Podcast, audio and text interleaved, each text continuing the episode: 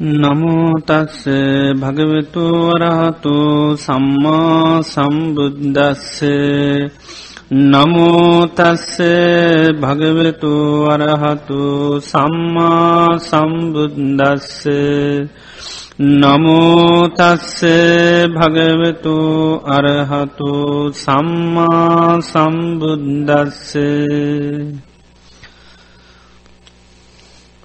පතව්‍යා ඒක රජ්ජේන සංගස්ස ගමනේනවා. සම්බලෝකාදිපච්චේන සෝතාපත්ති පළංවරන්ති ශ්‍රද්ධාවන්තින්නතුනි බුදුරජාණන් වහන්සේ ධම්ම පදයේ දේශනා කරන්ටය දුණු පටිනාගාථාවක් මේ ගාථාවේ තේරුම පතව්‍යා ඒක රජ්ජේන සක්ගස්ස ගමනේනවා සබ්බ ලෝකාදිපච්චේන සෝතාපත්ති පළංවරං. පතව්‍යා ඒක රජ්ජේන මුළු දිවයිනටම රජකම කරනවාට වඩා සග්ගස්ස ගමනේනවා ස්වර්ගේ උපදිනවාට වඩා සබ්බ ලෝකාදි පච්චේන මුල් ලෝකේම අධිපතිකමට වඩා සෝතාපත්ති පළංවරං සෝතාපත්ති පලේ තමයි උතුම් කියනු. අපි අහලතියනවා සක්විති රජවරු කියල නේද. සක්විති රජ කෙනෙත් තමයි මුළු පෘතුවියටම අග රජ බවට පත්වෙන්නේ. පෘතුවී මණ්ඩඩේ යම් රජ කෙනෙක් රජ කරනනේ තමයි සක්විති රජතුමා. එතට සක්විති රජ කෙනෙක් මුළු පෘතුවයේම අධිපති භාවට පත්වෙනවා.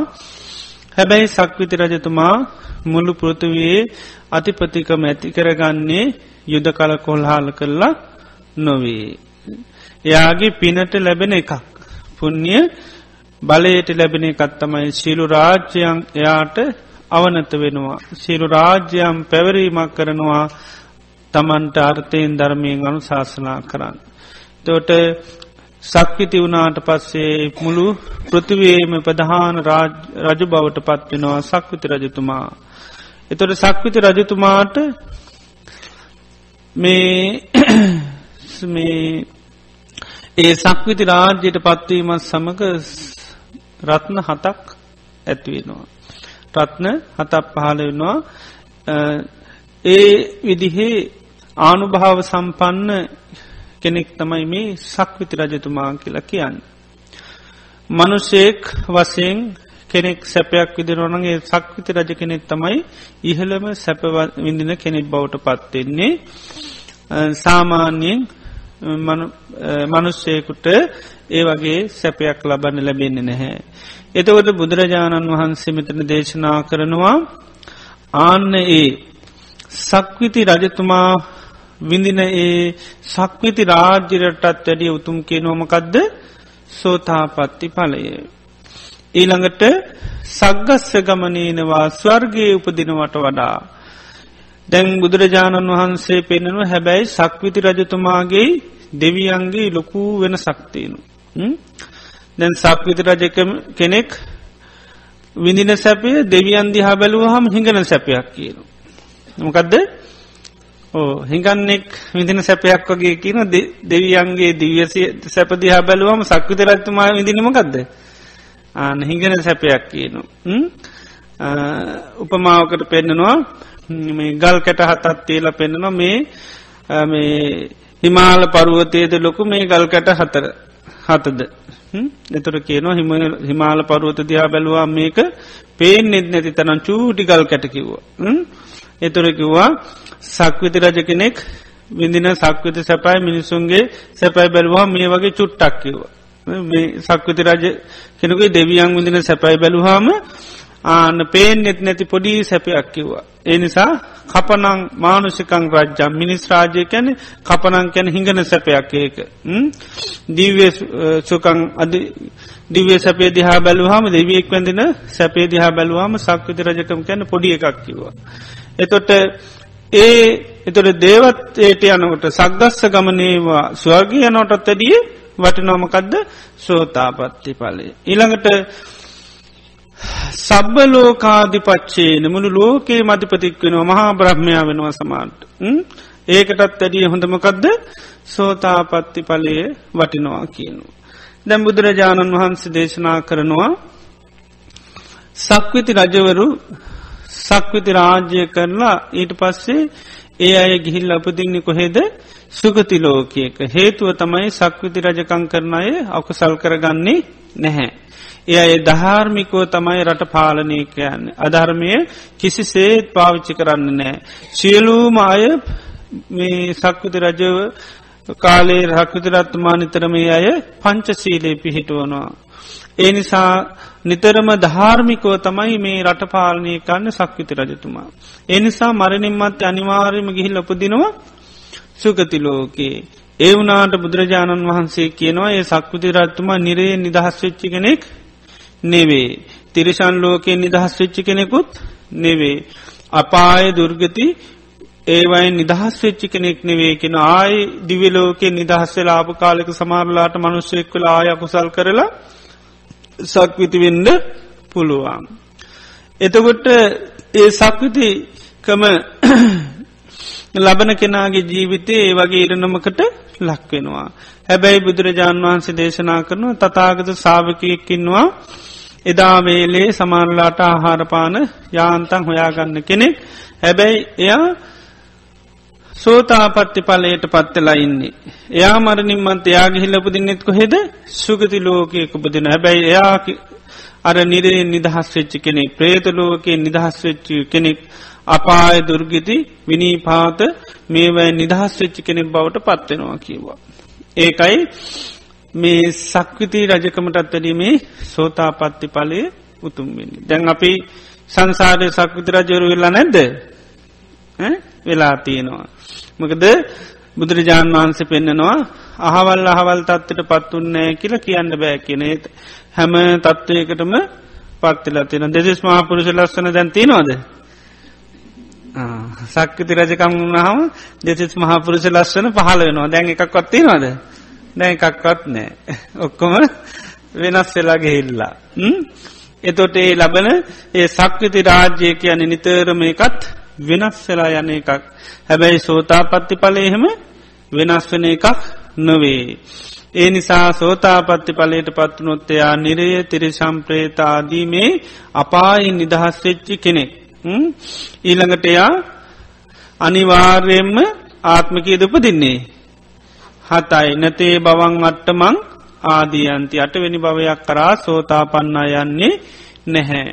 එතොට සෝතාපන්න උනහාම එයා සම්පූර්ණයෙන්ම අර අපාය දුර්ගති විනීපාතනීරයේ නිදහස් වෙනවා. මොකද ඊට අදාළ ආශ්‍රව සෝතාපන්න කෙනා තුළ තියෙනවාද නැද්ද. නෑ ආසවල ස්වභාවතමයි අත්තිභික්කවේ ආසවා නිරයගාමිනීයා මහනනි ආශ්‍රව තියෙනවා නිරයට ගෙනියන. අත්තිභික්කවේ ආසවා තිරච්ඡාන යෝනි තිරසංයෝනීට යන ආශ්‍රව තියෙනවා. අත්තිභික්කවේ ආසවා පේත විසේ ගාමනය ප්‍රේත විචය යන ආශ්‍රවතියන අත්ති භික්කවේ ආසවා මනුසලෝක ගාමනී මිනිස් ලෝකය රං යන ආශ්‍රවතියන අත්ති ලෝභික්වේ ආසවා දේව විසේ ගාමන දිව්‍ය ලෝක ගෙනියන ආශ්‍රවතියනවා. එතුර සෝතා පන්න වෙනකොට අර නිරේ අනාශ්‍රව තිරිසන් ලෝක අනාශ්‍රව ප්‍රේතලෝක අනාශ්‍ර ඔක්කොම මොකද වෙන්නේ? සම්පූර්ණම නැති වෙලා. ඒ නිසා කිනො කීන නිරයෝම. නිරේ කෙනෙක ෂය කරලා තියන්නේ. නැති කරලා තින ආය නිරයන්නේ නැහැ. කොහොමස්සෝතා පන්න අය නිරේ යන නෑමකද ඒ නිරේ යන ආශ්‍රව එයාගේ නිරේ යන කාමාශ්‍රවත් ඉවරයි නිරේ යන භවාශ්‍රවත් ඉවරයි අවිද්‍යාශ්‍රවත් ඉවරයි. ඒ නිසා නිරේ යන්නේ නෑ සෝතාපන්න අය. එනිසා සෝතාපන්න වීමත් සමගම දුක කියන එකේ ගොඩාක් අඩුවෙනවා සෝතාපන්න අය. බුදුරජාණන් වහන්සේ වරක් පෙන්නනවා මේ ගල්කට හතත් තිීල පෙන්නනවා. මේ ගල්කට හතත ලොකු හිමාර පරුවතද ලොකු. මොකදද ලොකු? හිමාල පරුවතේ විශාලයි. ගල්කට හත කියන්නේ බොහෝම පොඩ්ඩයි. එතුර කියනවා මේ සෝතාපන්න වෙනකොට නැති කරන දුක් හරියට මොකක් වගේද? හිමාල පරුවතේ වගේ දුක් නැති වෙනවා ලිතුරෙන දුට්ටික තමයි අර ගල් කැට හත වගේ. ආත්ම හතක් ඇතුළත විඳින්න තියෙන දුක අර ගල් කැට හතක් වගේ එකෙන ඉතාමත්ම පොඩ්ඩයි. ඉතාමත්ම පොඩ්ඩයි. වැඩි පුර කොරසත් දුක කියන එක අවසංගෙනවා සෝතාපන්න වීමත් සමගම එතෝට සෝතාපන්න අය මේ සෝතාපන්න වීමත් සමග එකයි ජීවිතයේ දුක කියන එක ගොඩාක් අවම කර ගන්න පුළුවන්. සාමාන්‍ය ජීවිතයේදී දුක් අදාගන්න හරි අඩුයි සෝතාපන්න අය. මොකද අය නිතරම මොකෙන්ද යුත්ත සම්මාධිට්ටිය යුත්තයි දිට්ටි සම්පන්නයි. ඒ නිසා නිතරම්ම ජීවිතයේ සාමාන්‍යී පස්්නයකදිත් එයා අවබෝධය කියන එක තියෙනවා. දැන් ඒ නිසාම සෝතාපන්නයි දුකක් හඩවා හැදුනහම මුලාවට පත්වෙනවද නෑ. සෝතාපන්නයි මුලාවට පත්වෙන්නේ නෑ සාමාන්‍ය ලෝකයේ දුකක් හටගත්තාම එයා විපාක දෙකකට මුණ දෙනවා. විපාක දෙහකට මුහුණ දෙන එකත් තමයි සම්මෝහ වේපක්ක මකදද සම්මෝහ වේපක්ක ඒඇනි මුලාවට පත්වෙනවා. දුකක් හටගත්තාම සාමාන්‍ය ලෝකය පත්වෙන්නෙමකොටද මුලාවට පත්වෙනවා. සාමාන්‍යින් අහලත් තින නේද දුක් හැදුනා මොහොමද කියන්නේ අනේ මට තේරෙන්නේ නෑ කින නේද ඒැන මුලාවට පත්වෙනවා. අනිත් ඒක තමයි විපාකය තමයි පරියේටිත වේපක්ක. ඒ තමයි පිල්ලිසරණක් හොයනවා. පාලියෙන් කියනවා කෝ ඒක පදන් දිපදංවා ඉමස්ස දුක්කා සංචකිරියන් ජානීයාත. අනේ වචනයකින් හෝ දෙහෙකින් කෞද මගේ මේ දුක නැති කරන්න උදව් කරන්නේ. එතෝට නිතරම එයා මොකද බලාපොරොත්තු වෙන්නේ. බාහිර ලෝකයෙන් පිළිසරණක් බලාපොරොත්තු වෙනවා පිහිටක් බලාපොරොත්තු වෙනවා. ඒක තමයි සාමාන්‍යම ස්වභාවය. පළවෙනි එක මොකක්ද දුක හටගත්තහම මුලාවට පත්වෙනවා දෙවෙනි එක තමයි ආන්න පිළිසරණක් හොයනවා වචනයකින් හෝ දෙහෙකින් කෞදමට දුක නැති කරන්න උපදෙස් දෙන්නේ. ඒතුවට බාහිර ලෝකෙන් තමයි යා දුක නැති කර ගන්න නිතරම බලන්නේ. දැන් සෝතාපන්නා එහෙම වෙන්නේ නැහැ. ඇයි දුක හටගන්නකොටම දුක පිළිබඳ අවබෝධය තියෙනවද නැද්ද. තියෙනවා. එයා දුක හටගත්තේ ඇයි කියලත් දන්නවා දුක කියන්න මොකක්ද කියලත් දන්නවා. දැන් අපිට දුක තියෙන්නේ කොහේද. බාහිර ලෝකෙ තමයි වැඩිපුර දුක පේන්නේ නේද. ඒ නිසා බාහිර ලෝකයේ තියන දුක නැති කරන්න නේ අපි බලන්නේ වැඩිපුර. දුක තියනවන එතිනින් අයින්ෙන්ට හරි බලනවා. නේද. ඉතින් සෝතාපන්න අය දන්නවා දුක කියන්නේ මකද්ද. ඒ නිසා ඒ අය බාහිර ලෝකයෙන් පිළිසරණ බලාපොරොත්තු වෙනයි මොකද දුක හටගන්න හේතුවත් දන්නවා. ඒක නැති වීමත් දන්න දුක නැති කරන්න කියලත් පුළුවන් කියලත් දන්න නැති කරන ක්‍රමිත් දන්නවා. ඒ නිසා ඒ අය එකයි බාහිරව පිළිසරණකට පත්වෙන්නේ වෙනස් සාත්තුරුවරු වෙනත් ආගම් අදහන් යනවද නෑ. කෝතු හල මංගලික මේ කිසි දේකට සෝතාපන්නයි පත්වෙන්නේ නැහැ. මොකද එයාට නිතරම අපරපච්චේ ඥානය කියල තියෙන. අපරපච්චය කියන්නේ පරපච්චය කියන අනුන්ගේ අනුන්ගේ ඥානින් ජීවත්වෙනවා. ඒකට කියනවා පරප්‍රත්තිය කියලා දැන් සාමාන්‍ය ලෝකයාට අර දුකක් හටගත්තහම කාගෙන්ද පිළිසන්න බලාපොරොත්තියන්නේ. බාහිර ලෝකින්. සෝතාපන්න කෙනා අන්න පරප්‍රත්තිය ඔන්න තමන්ගේම ඥානයක් තියනවා. දුක හටගන්නේ ඇයි කියලා. ජීවිතයේ ශෝක පරිදේව දුක්දුම්නස් හටගන්නකොට මෙයා හේතු පල දහම හොඳට දන්න. මොකද සෝතාපන්න වෙනකොටම ආර්ය න්‍යාය කියනෙක හොඳට අවබෝධ කරගෙන තියෙන මක ධාරණයාය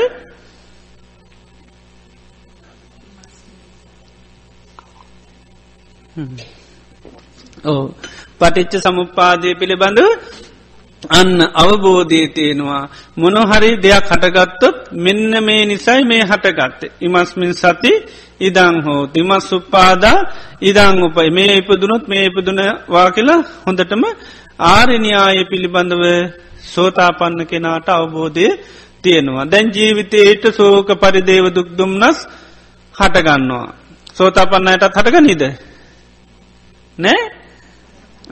හට ගන්නවා. හටගත්තට පස් එයාට මොකද වෙන්නේ. අවබෝධය තින මොකද දුක්කම් පරිින්්ඥය යන්නේ දුක නැති කර ගන්න පුලයිකක්ද. දුක කියන කවබෝධ කර ගණ්ඩ ඕනික දුක නැතිවෙන්නේ මකර නැතු නොද්ද. දුකේ හේතුව නැතිවෙනි දාට දුක්ක නිමිති නැති කරන්න බැහැ. ඒ නිසා දුක්. දුකක් හටගන්නකොටම සෝතාපන්න ඒක අවබෝධය තියෙන නිසා එයා දන්නවා මේක මොකක් නිසාද හටගත්තේ. සාමාන්‍යෙන් ජීවිතයේ සෝක පරිදේව දුද්දුම්න සටගන්නකොටම එයාට සිහි උපදිනවා කුමක් නිසාද මේ දුක හටගත්තේ. මකදද හේතුව. ජාතිපච්චයා ජරාමරණන් සෝක පරිදේව දුක්ක දෝමනන්සු ප්‍රදිච්චි නිසාමයි මේ දුක මොනවදිපදුනේ. ඕ කන්දානම් පාතු භාවෝ ආයතනානම් පරලම් අන්න ස්කන්ද පහල වුණා ආයතන පහලුනා ඒ නිසයි දුක්විනින්නේ කියන අන්න ඒ සිහිය නිතරම තියනු. ඒ නිසා යා දන්නවා මේ පංචුපාදාන ස්කන්දය ප්‍රතිලාබ ආයතනයන්ගේ ප්‍රතිලාබ නිසා දුක්කිනින්නේ. ඒ නිසා තමයි බාහිර ලෝකයේ එයා පිළිසරණ බලාපොරොත්වවෙන්න එයා දන්නවා මේවා තියෙන තාකල්මකද තියන්නේ. දුක තියෙන්නේ මේ ඉන්ද්‍රයන් ආයතනයන්ට බැඳිල නම් පංචුපාදානස්කන්දයට බැඳිල ඉන්න තාක්කල් දුක තියනෝ කළේ දන්න ආන එක. ඒ නිසා යා බාහිරුව පිළිසරණකට යන්නේ නැහැ. මේකෙන් නිදහස් වුන දාක දුකින් නිදහස් වෙන්නේ කියල දන්න. ඒ සඳහා කරන්න ඕනිමකක්ද ආර්යෂ්ඨාංග මාර්ග දියුණු කරන්න ඕනි කියලයි සෝතාපන්න කෙන දන්නවා. ඒ නිසායා අන්න අඩ ඒකයි දුක් උපදවා ගැනිල් හරි අඩු. දැන් අපි ගන්නේ අපි මොකක්ද වැඩිපුර කරගන්නේ දුක් ආන හටගන්න දුක් උපදවාගන්න අපිට දාගන්න අපි අපේ කවුන්ටකට බැර කරගන්න බාහිරුව නේද ආනකයි බොහෝ සෙයින් වෙන්නේ. ඉතින් සෝතාපන්න කෙනා එක යර නිතරම හේතු පල දහමක් වසයෙන් හැමදේම දකින්න හැකියාව තියෙනවා. ඉතින් ඒ නිසාර දුකක් හටගත්තහම යාට එක අන්න විසිඳ ගැනේ ගැනීමේ හැකියාව තියෙනවා. ඉතින් ඒ නිසා ඒකයි බුදුරජාණන් වහන්සේ පෙන්න්න අර සෝතාපන්න වෙනකොට අර අවබෝධ කර මේ නැති කරන්න තියෙන දුක්වලින් ගොඩාක්ම නැති කරගෙන අවසානයි තව ටිකක් පමණයි ඉතිරි වෙන්නේ. එතකොට සෝතාපන්න අය මේ නිතරම කියන්නේ අමතස්ස දවාරං ආහච්ච තිට්ටති අමාදුරේ නිවනේ හැපි හැපින්න අය කියනවා. මොක දේතරමට යා මේ අන්න සෝතාපත්ති පලයට පැමිණීමත් සමගයා මේ ධර්මයට සම්පූර්ණ බැසගත්ත කෙනෙක්. දැන් සෝතාපත්ති වචනය තේරුම දන්නවාද. සෝත කියන්නමකටද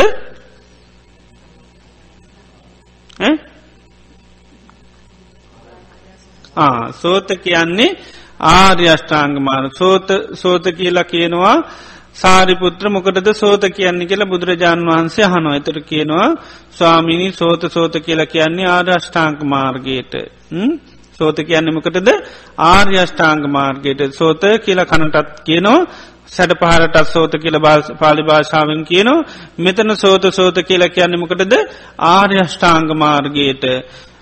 සෝතාපන්න කියන්නේ ආර්යෂ්ඨාංග මාර්ගයට බැසගත්තා කියනෙකයි. එතෝට යම් යන් නම් ගොත්තනින් සඳහන් විච්චයට තමයි සෝතාපන්න කියන්නේ. මේ යම් කෙනෙක් මේ ආර්යෂ්ඨාංක මාර්ගයට බැසගත්තරං එයා කවුද? සෝතාපන්න. සෝතාපන්න භාවයට පත්වන තොර නිතරම ආර්ය අෂ්ඨාංක මාර්ගී ආන බැසගත්ත පුද්ජලයෙක් ඒකයි අය අටවිනි භවයක් කරා යන්නේ නැත්තේ. අනිවාර්මයා අන්න මේ සෝතාපන්න වෙනකොටම එයා මේ ආර්ය මාර්ගයට බැසගත්ත කෙනෙක් නිසායාය අටවිනි භවයක් කරා යන්නේ නෑ. ඉතින් ඒ නිසා සෝතාපත්ති වීමත් සමඟ එයා ඒකයි නිර්වාණය කරා බැසගත්ත නිවන් ළඟාවිච්චි කෙනෙක් කියලා කියන්නේ. එතොට මේ සෝතාපත්ති පලය කියන එක කොහොමද අපි ලබාගන්න සෝතාපත්ති අංග කියලා තියන ඒ සෝතාපත්ති අංග දියුණු කරන්න ඕන සෝතාපන්න වෙන මනවාදේ අංග ඕ කල්්‍යාන මිත්‍ර ඇසුර සද්ධර්මත්සවනය යෝනිසෝ මනසිකාරය සහ දම්මානු දම්ම ප්‍රතිපත්තිය. එතවට කල්්‍යානි මිත්‍ර ඇසුරට පත්වෙන්න ඕන සෝතා පණ්ඩ වෙන්නන. එතොට ඒ කල්්‍යාන මිත්‍ර ඇසුරේ මොකක්ද වෙන්නේ සද්ධර්මය.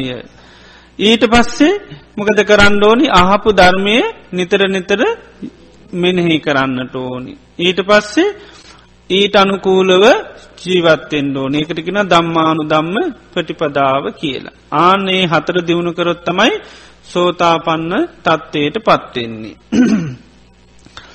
එතකොට මේ සද්ධර්මස් සවනයටයි කල්්‍යාන මිත්‍ර ඇසුරටයි කියන බාහිරංග කියලා. මොකදද බාහිරංගේක බාහිර ලෝකෙන් තමයි ලැබෙන්ඩ ඕනි කල්්‍යාන මිත්‍රෝ පහල වෙන්ඩෝනි බාහිරෝ තමයි පහල වෙන්නේ. ඊළඟට බණහෙන එකත් ආබාහිරයි. ඒකට කියෙන බාහිරංග.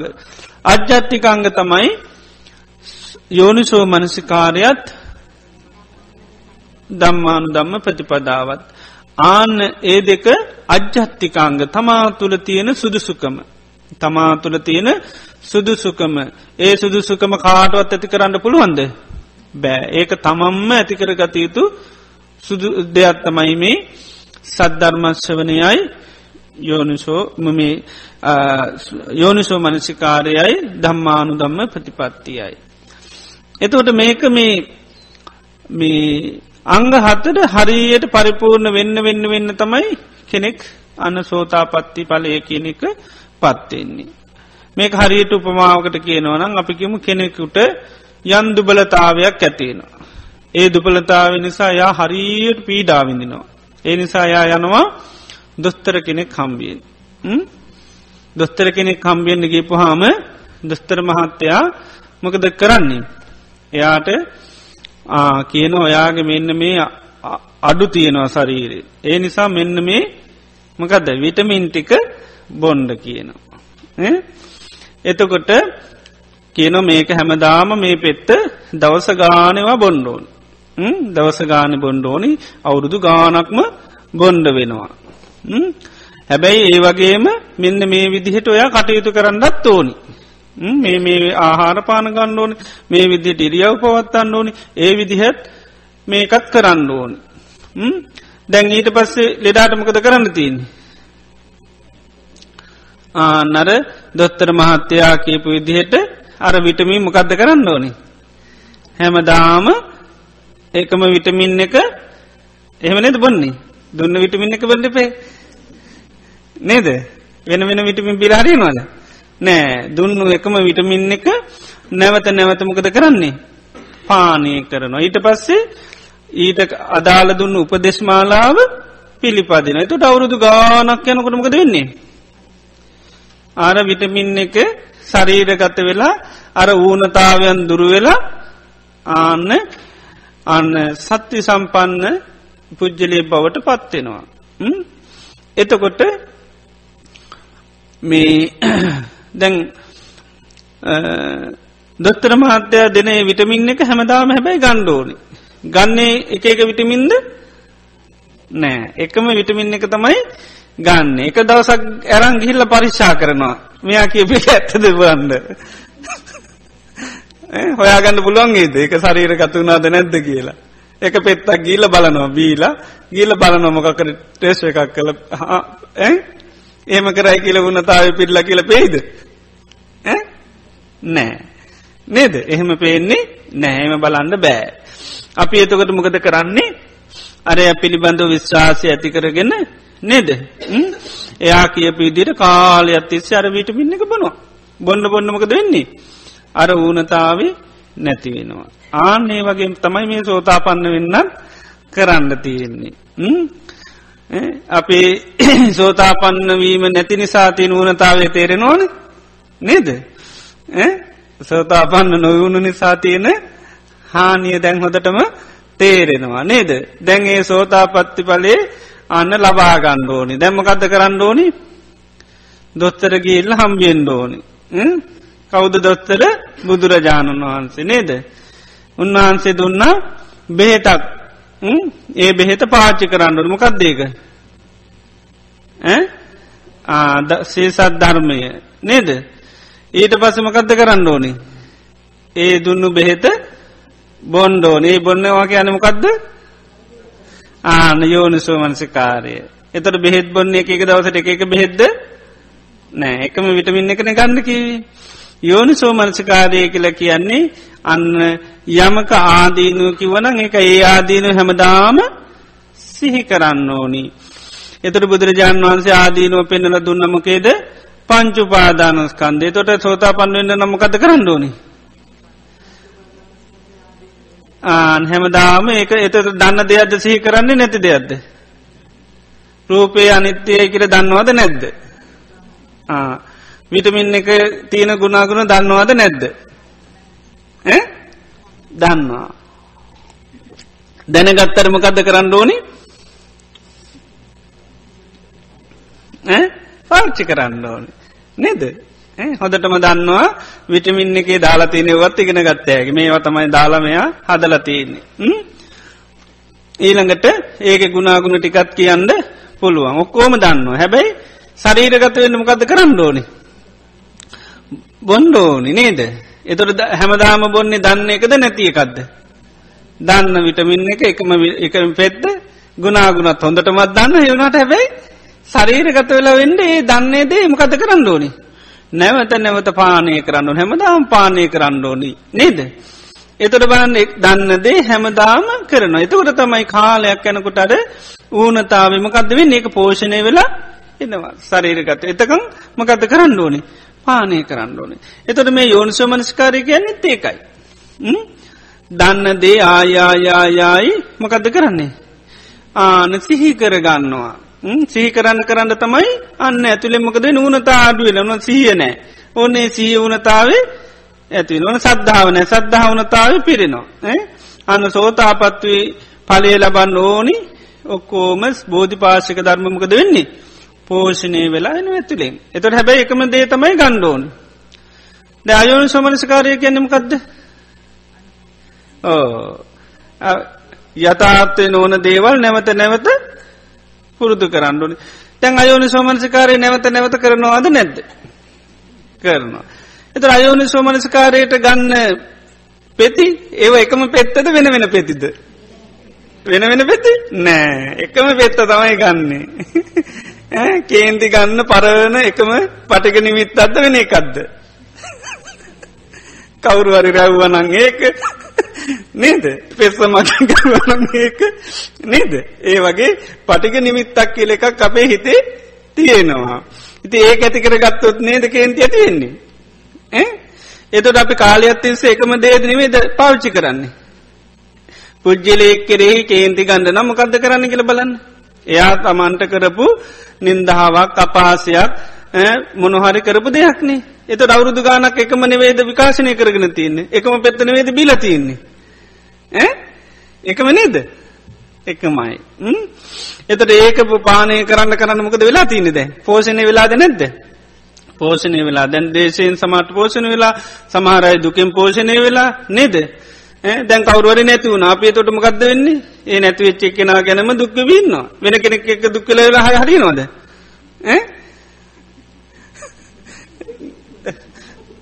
දැඒ කාල කොච්චරමට ලැද්ද ඒ මැරිචි ඔක්කමත් ගැන දුක්ක වින්නවාද එතොට කාටොත් යන්න නැතිවේ දුක නේද?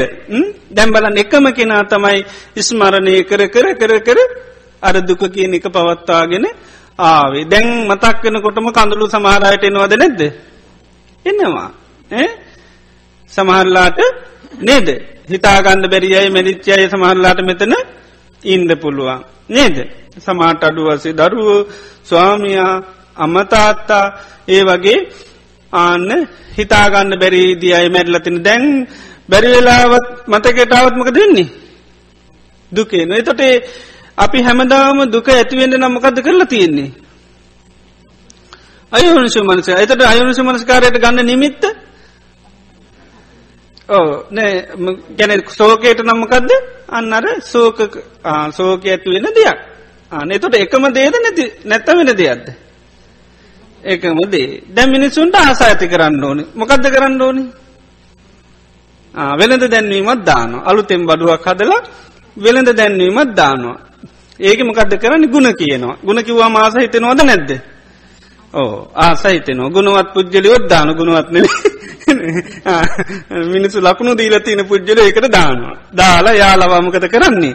ඒක වර්ණා කරනවා. එතවට ආසා උපදවන්න මකක්ද කරන්නේ?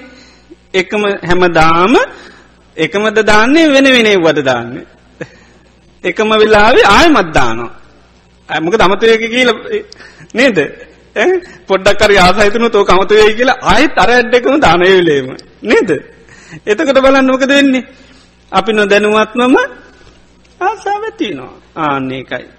එතවට බලන්නර මේ කෙලෙස් උපදවා ගන්න හැටි හොඳට බලන්න ආන්නේ විදිර තමයි සෝතාපන්න වෙන්නත් තියෙන්නේ. එතට එකම තමයි ආන්න නිතර දාන්නඩෝනි. ඒ නිතරම ඒ ආදීනුව නිතර නිතර දාන දානමකද වෙන්නේ. මකද පිහිටන්නේ. සිහිය පිහිටනවා නුවන පිහිටනවා. ඉන්ද්‍රිය ධර්ම බොජ්ජංග ධර්මොක්කෝම පිහිටනවා. එතවට ඒකයි යකුසල් ලෝකයේ පැවැත්මට ඕනිවා ඒව දන්නවා කවුරුත්. ඒ නිසා ඒව ඒ විදිහටම සිද්ධ වෙනවා. එතට ඒ පැත්ත බැලුවාම ඒ විදිහේ පැත්තත්තමයි තියන්නේ දැන් සම්මා මිච්චා දිට්්‍ය ඇති වෙන්නමකෙන්ද ඕ අසත් ධර්මයයි අයෝනි සෝමනසිකාරයයි. එතට බාන්න එකම නේද. අසත් ධර්මය හනුව අයෝනිසෝ මනසිකාරය ඇති කරගන්න එතර මිච්චා දිට්්‍ය ඇතිනද නැද්ද. ඕ සමහරයකන ආගම සීකරන එතු ආගම සීකනු දෘෂ්ටියක් ඇතිනන නැද්ද. ඇති වෙනවා ඒ ආගම පිළිබඳ යම් දෘෂ්ටියක් ඇති වෙනවා. එතකොට සම්මාධිට්්‍ය ඇතිවෙන්ඩ ආනියෝනු සුමනසිකාරය ඇති කරගණ්ඩෝන ආන්නේකයි. එතෝට යෝනු සුමනසිකාරය ඇති කරගන්නේ එක එක දේවල් දෙකම දෙයක්ද. ඒකමද එන පංචපාදානස්කන්දේ අනාදීදුම බලනවා. සලාහිතනයන් යාදීනු බලනවා. අකුසලයන් යාදීනු බලනවා කාලයක් බලන්න බලන්නමකද වෙන්නේ. අනාදීනුව පිළිබඳුව සිහියනුවන ආදී ඉන්ද්‍රිය ධර්ම බොජ්ජංග ධර්ම වැඩෙනවා. ඉති ඉන්ද්‍රිය ධර්ම මෝර පියලාක තමයි සෝතාපන්න වෙන්නේ. එති එනිසා හොඳට අවබෝධ කර ගණ්ඩෝනි ඒකයි මේ අකුසල් යම් විදිහකින්ද කියාත්මකන ඒක අනි පැත්ත විතරයි නිමිතිවල වෙන සක් විතරයි තියෙන්නේ. නේද. නිමිතිවල විතරක් වෙනස තියෙන්නේ. හිතට රාගයක් ඇතුුණොත් ඇතිවෙන්නමකින්ද රාගයක් ඇතිවෙන්නේ සුබ දෙයක් ගැන ආන්න සීකිරීම තුළ. ඒක නැති කරන්න නම් බලන්න ඕනිමකක්ද ඒක අනි පැත් අසුභ විදියට බැලුවත් ආන්න රාගය නැති වෙනවා. එතර බාන්න නිමිතිවල වෙනස් කිරිල්ලක් විතරයි තියෙන්නේ. එතොට මේ සෝතාපන්න වෙන්න එකයි මේ එකම ධර්මය අපි නැවත නැවත නැවත සිහි කරන එකටයි යෝනිසෝ මනසිකාරයකට බුදුරජන් වන්ස කියන මොකද ආහාරය. ආහාරයගත්තොත් තමයි පෝෂණය වෙන ධර්මය මොකක් වගේද? ආහාරය වගේක ගැනීම මොකක්ද ඒක ගැනීම තමයි යෝනිසෝ මනසිකාරය. විටමින් වගේ තමයිමකක්ද ධර්මය කියන් ධර්මයමකක්ද විටමින් වගේ. ඒ විටමින් එක නැවත නැවත පානයකොරොත්මක දෙන්නේ. අන්න පෝජ ඒ වගේ ධර්මය නැවත නැවත අන්න සිහි කිරීම තමයි යෝනිසු මනස්කාරයකන් ඒ සිහි කරන්න සහි කරන්නේ ධර්මීමකද වෙන්නේ. අන්න තමන්ට පිහිටනවා. ඉතින් ඒ විදිහට ආන්න පුරුදු කරත් සෝතාපත්ති අංග මොකද වෙන්නේ සෝතාපන්න පුද්ජලිබ් බවට පත්වෙනවා. ඒකයි බුදුරජාන් වහන්සේ කාලේ අහල ඇති නන්දකෝවාද සූත්‍ර හලති නොද. ඕ නන්දකෝවාද සූත්‍රයේදී අර නන්දක ස්වාමීන් වහන්සේ ගිහිල්ලා බිසුනින් වහන්සේලාගෙන් අහනවා චක්කුන් නිච්චංවා අනිච්චංවා අහන්ඩත් දෙයක්ද නේද. දන්නවා නිතියෝ කහන්ඩෝනේ. නේද දන්නව නේද කවුරු. ඒ වනාට ඒ කාලිමකද කරලා තියෙන්නේ. ආන්න නිතරම අර වෙළඳ දැන්වීමත් දානකට අපි කියන්නේ නොක දැම් දන්න එකත් දානව කියලා නේද දැම්වන්න බලන්න ආදීනුව කියන එක නිතර මොකද කරන්න මංකවේ ඉස්සල්ල වර්තමාන කරලා දෙනවා. සීහෝ පද්දල දෙනවා මේ ඇස නිත්‍ය දෙයක් ධනිත්‍ය දෙයක්ද. එතොට මේ අනිත්‍යයි කියන අහන එක ආදීනවයද එක ඒක ආස්වාදයක් දහන්නේ. ඇසේ තියන ආදීනයම්මකක්ද ඇස කියන්න වෙනස්වෙන එක.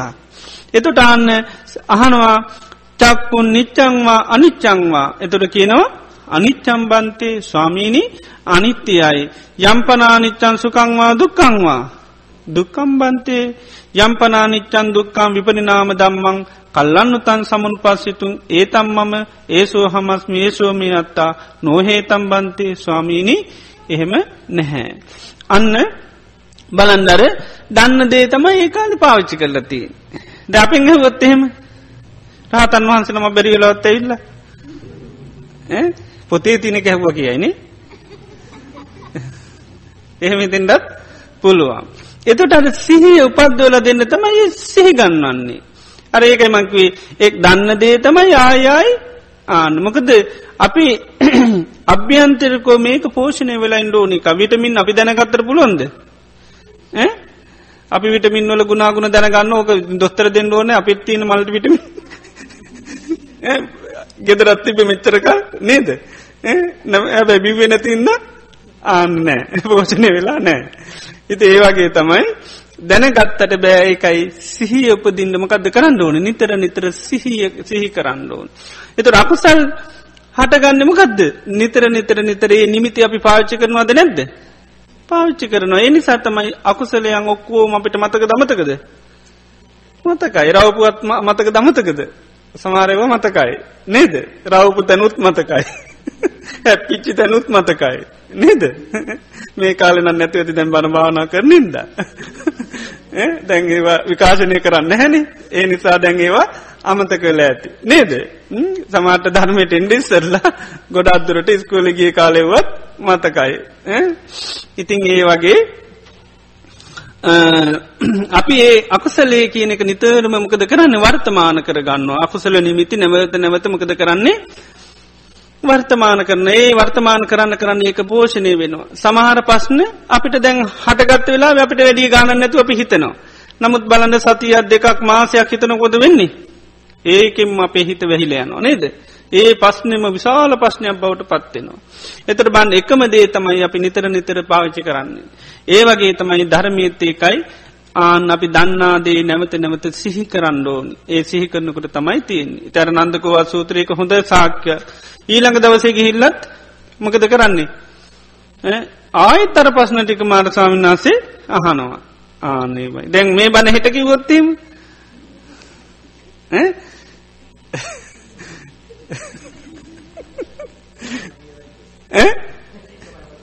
ඒකම කියනවා කියලා හිතනවා. ආමුදුර දන්න ඔයිටික විතර වෙන්නති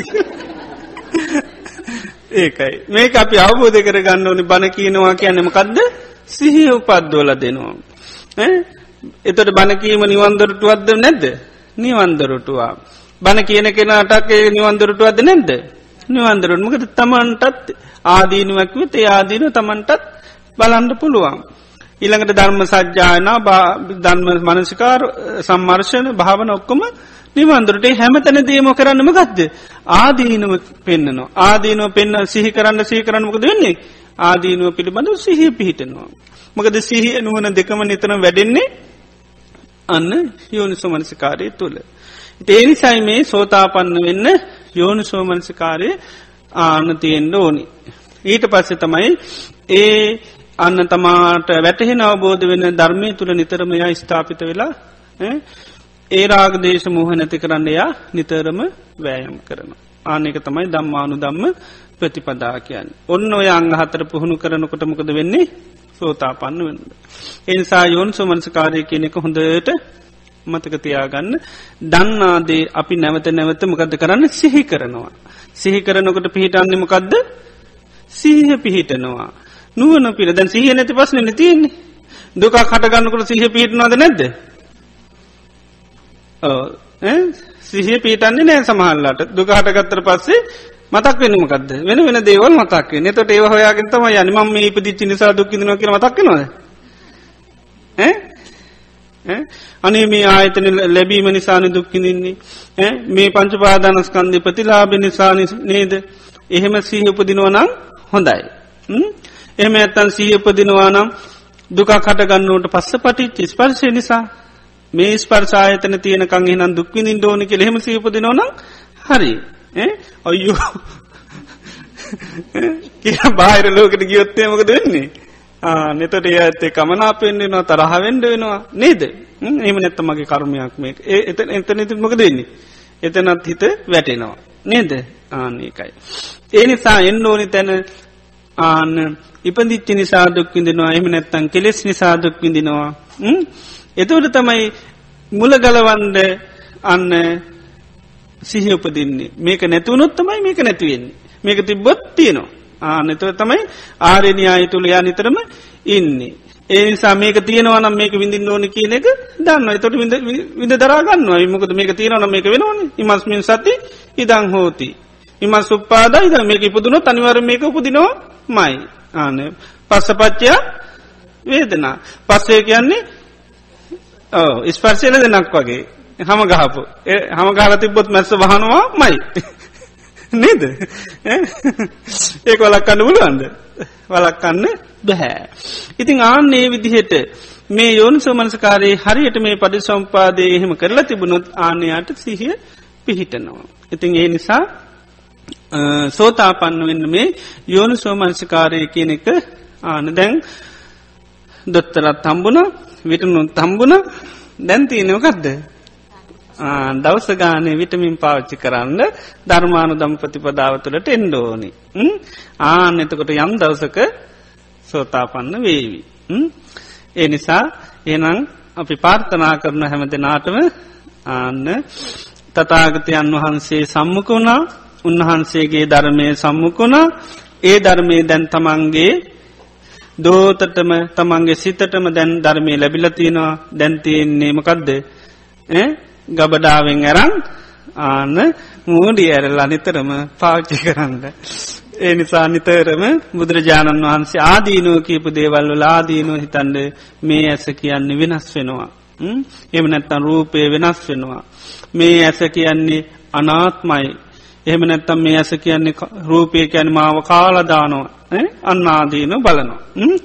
ඒ විදියට පුරුදු කරන්න යෝනු සුමනසිකාරය ආනේ තුළින් තමන්ට සෝතා පත්ති පල්ලයට මේ ජීවිතය වෙන්ඩ පුළුවන් කවදා හෝ අනිවාරයෙන් පත්වෙන්න පුළුවන්. විටමින් ශරීර ගත වෙන අපිට කියන්න බෑකෙක්කිනාගේ ශරීරයේ ස්වභාව යනු සමාරුන්ට විටමින් හොඳට යාදනවා සමාරුන්ට චුට්ට යනිත් ඔක්කම පිට වෙනවා. නේද ඒ වගේ ධර්මයන්තම යා දෙන්නේ ටිකයි සමාරලාට චුට්ටක් තමයි හිතට උකාගන්න අන්ටික ඔක්කොමක දෙන්නේ. පිට වෙන වුණට පස්සයන්න උකාගත්ත දේ නැති වෙන්නේ නෑ ඒක තියෙනවා. ඒක අර ගන්න ගන්න ගන්නේ සත්‍යය ආන්න පෝෂණය වෙලා යම් දවසක සෝතා පන්න තත්වයට අනිවාර්යෙන් පත්වෙන්න පුළුවන්. එහනම් හැම දෙනාටම සෝතාපත්ති පලේ ලබාගන්න සත්‍යය ධෛරය වාසනාව ලැබේවා. හොඳයි. එහනම් අද දිනේදිත් උදෑසන පටන් මේ මෝත දක්වා සෑම දෙනා මිතා සද්ධහා ගෞරෝභත්තිය යුතුව සම්මා සම්බුදුරජාණන් වහන්සේ දේශනා කරපුයේ සි සද්ධර්මය හොඳට සවනය කරා. ඒ වගේ අපි යෝනු සෝමනස්කාරයේ යෙදමින් දම්මානු දම්ම ප්‍රතිපදාව තුළ අපි ජීවත් වනා මේ තුළින් අපේ ජීවිත්‍ය සන්තානය තුළ ඉන්ද්‍රිය ධර්ම බොජ්ජංග ධර්ම ආර්යෂ්ඨාංග මාර්ගයන් අපේ ජීවිතය තුළ වර්ධනය වුණා. ඒ තුළින් අපි මහා වටිනා පින්කම් රාශයක් කරා. විශේෂෙන් අපි බොහෝ දුරටම සිද්ධ කරේ මෛත්‍රී භාවනාව. ඒ මෛත්‍රී භාවනා තුළනුත් අපේ චිත සන්තානය මහා වටිනා පුුණ්‍ය සත්‍යයක් අත්පත් වනා ඉතිං දාන සීල භාවනාදී වසයෙන් රැස්කර ගත්තාව මේ උදාරතර පුුණේ ධර්මයන් මේ අවස්ථාව සලසාදුන්වේ නායක ස්වාමීන් වහන්සේ ඇතුළ මහා සංගරත්නයටත් සංවිධාන කටයුතු කළේ පින්වත් සෑම දෙනා ඉතාමද මහන්සියෙන් වෙහෙස මහන්සියෙන් තමයි මේ කටයුතු සංවිධානය කරන්නේ. පින්වත් සෑම දෙනාටමත් දානමාන උපස්ථාන කරපුේ සැදහැවත් පින්වත් සැම දෙනාටමත් මේ උදාරතර පුුණි ධර්මය හේතුවෙන් බලයෙන් ඒ සැම දෙනාටමත් සෙතක් වේවා සාන්තියක් වේවා යහපතක් වේවා නිදුක් නිරෝගී සුවපත් භාවේ චිරජීවනය දීර්ගාවචල බේවා කියලපි ආශිර්වාද කරමු. මේ උදාරතර පුුණි ධර්මයන් අපි නමිමිය පරලෝගේ ඥාතීන්ට පින් අනුමෝදංකර මතීත ජීවිතය පටන් අද දවස දක්වා අපි නමිමිය පල්ලෝගේ සියලු ඥාතීන් මේ පින දැක අනුමෝදංම සැපවත් භාවයට පත්වේවා පාර්ථනීය බෝධියකින් සාන්ත අමාමහා නිවෙනින් සැනසේවා කියල සියලු දෙවියන්ට මේ පින් අනුමෝදං කරමු අල්පේශාක්‍ය මහේශාක්‍යයාදී දිවරාජ මණ්ඩලය මේ පින දැක අනුමෝදංව සැපවත් භාවයට පත්වේවා පාර්ථනීය බෝධියකෙන් සාන්ත අමාමහා නිවෙනින් සැනසේවා කියල පින් අනුමෝදං කරමු. ඒ වගේම මේ රැස් කරගත්තා වූ උදාරතර පුුණ්‍ය ධර්මයන්ගේ හේතුවෙන් බලියෙන් හා බුදු පසේ බුදු මහා රහතන් වහන්සේලාගේ අනන්ත ආනුභා බලින් කල්්‍යයානු මිත්‍රයන් වහන්සේලාගේ ආසිර්වාද බලින් සැම දෙනාටම සෙතක් වේවා සාන්තියක් වේවා යහපතක් වේවා. නිදුක්වේවා නීරෝගිවේවා සුවපත්වේවා සම්බුද්ධ ශාසනය තුළ තවතවත් දානාදීපින්කං සීලාදී ගුණධර්ම සමත විපශ්ශනා භාවනාවන් දියුණු කරගන්න සත්තිය දහිරයේ වාසනාව චිරජීවනය දීර්ගවශ ලැබේවා කිලපි ආශිර්වාද කන. දෙවියන්ට ඥාතීන්ට පින් අනුමෝදං කරමු ඉදං වූ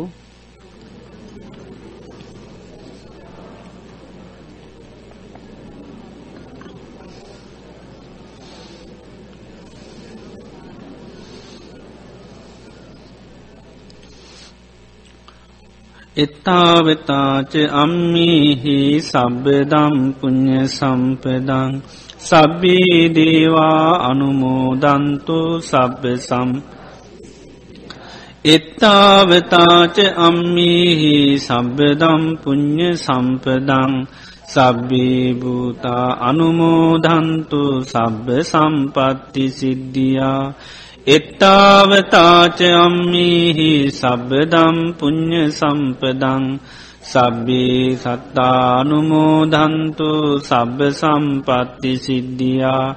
එත්තා ඉමිනාපුං්ඥ කම්මේන මාමේ බාල සමාගමු සතන් සමාගමු හෝතු යාව නිබ්බාන ඉදම් මේ පුං්ඥකම්මං ආසවක්කයා වහං හෝතු සබ්බ දුක්කා පමුංචතු. හොඳයි සිල් පවාරණය කරන්න කැමති අය නමස්කාරය කියන්න.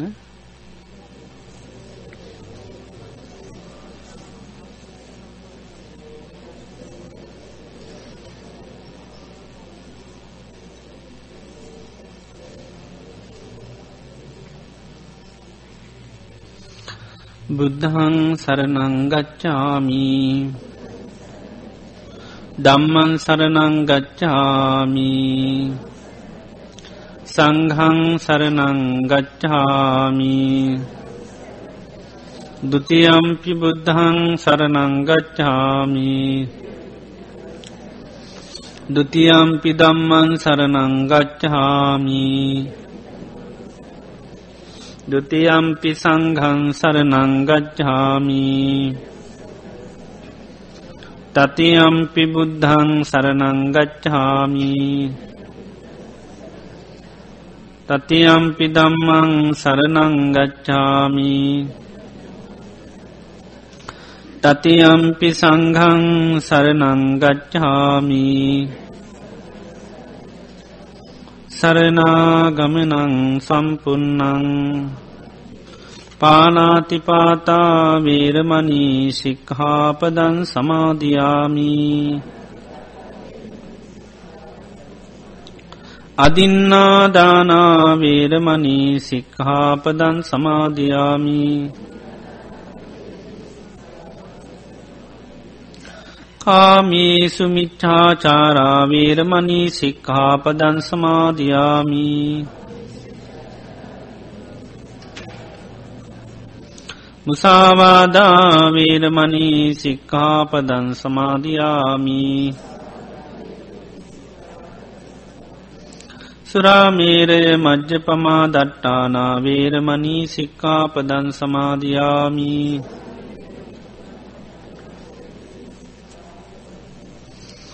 තෙසරනේන සද්ධින් පංචසීලන් ධම්මන් සාදුකං සුරක්කිතං කත්වා අපමාදීන සම්පාදී තබ්බං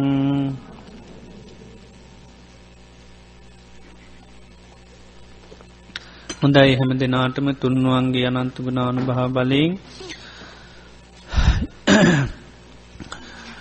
සෙත සාන්තියාපද නිදුක් නිරෝගී සුවපත් භාවේ චිරජීවනය ලැබේවා මේ කරගෙන යන්න මේ භාවනා කටයුත්ත දිගටම සාර්ථ කරගන්න සැම දෙනාටම සත්‍යී දෛරයේ වාශනාව ලැබේවා කියලා ශිර්වාද කරනවා. සබ්බීතියෝ විවජ්ජන්තු සබ්බරෝගෝ විනස්සතු මාතේ බවත්වන්තරායෝ සුකීදීගායුකෝ බව භවතු සබ්බ මංගලං රක්කන්තු සබ්බ ජීවතා සබ්බ බුද්ධානුභාවීන සබ්බ දම්මානුභාවීන සබ්බ සංගානුභාවීන සදාසොත්ති භවන්තුතේ.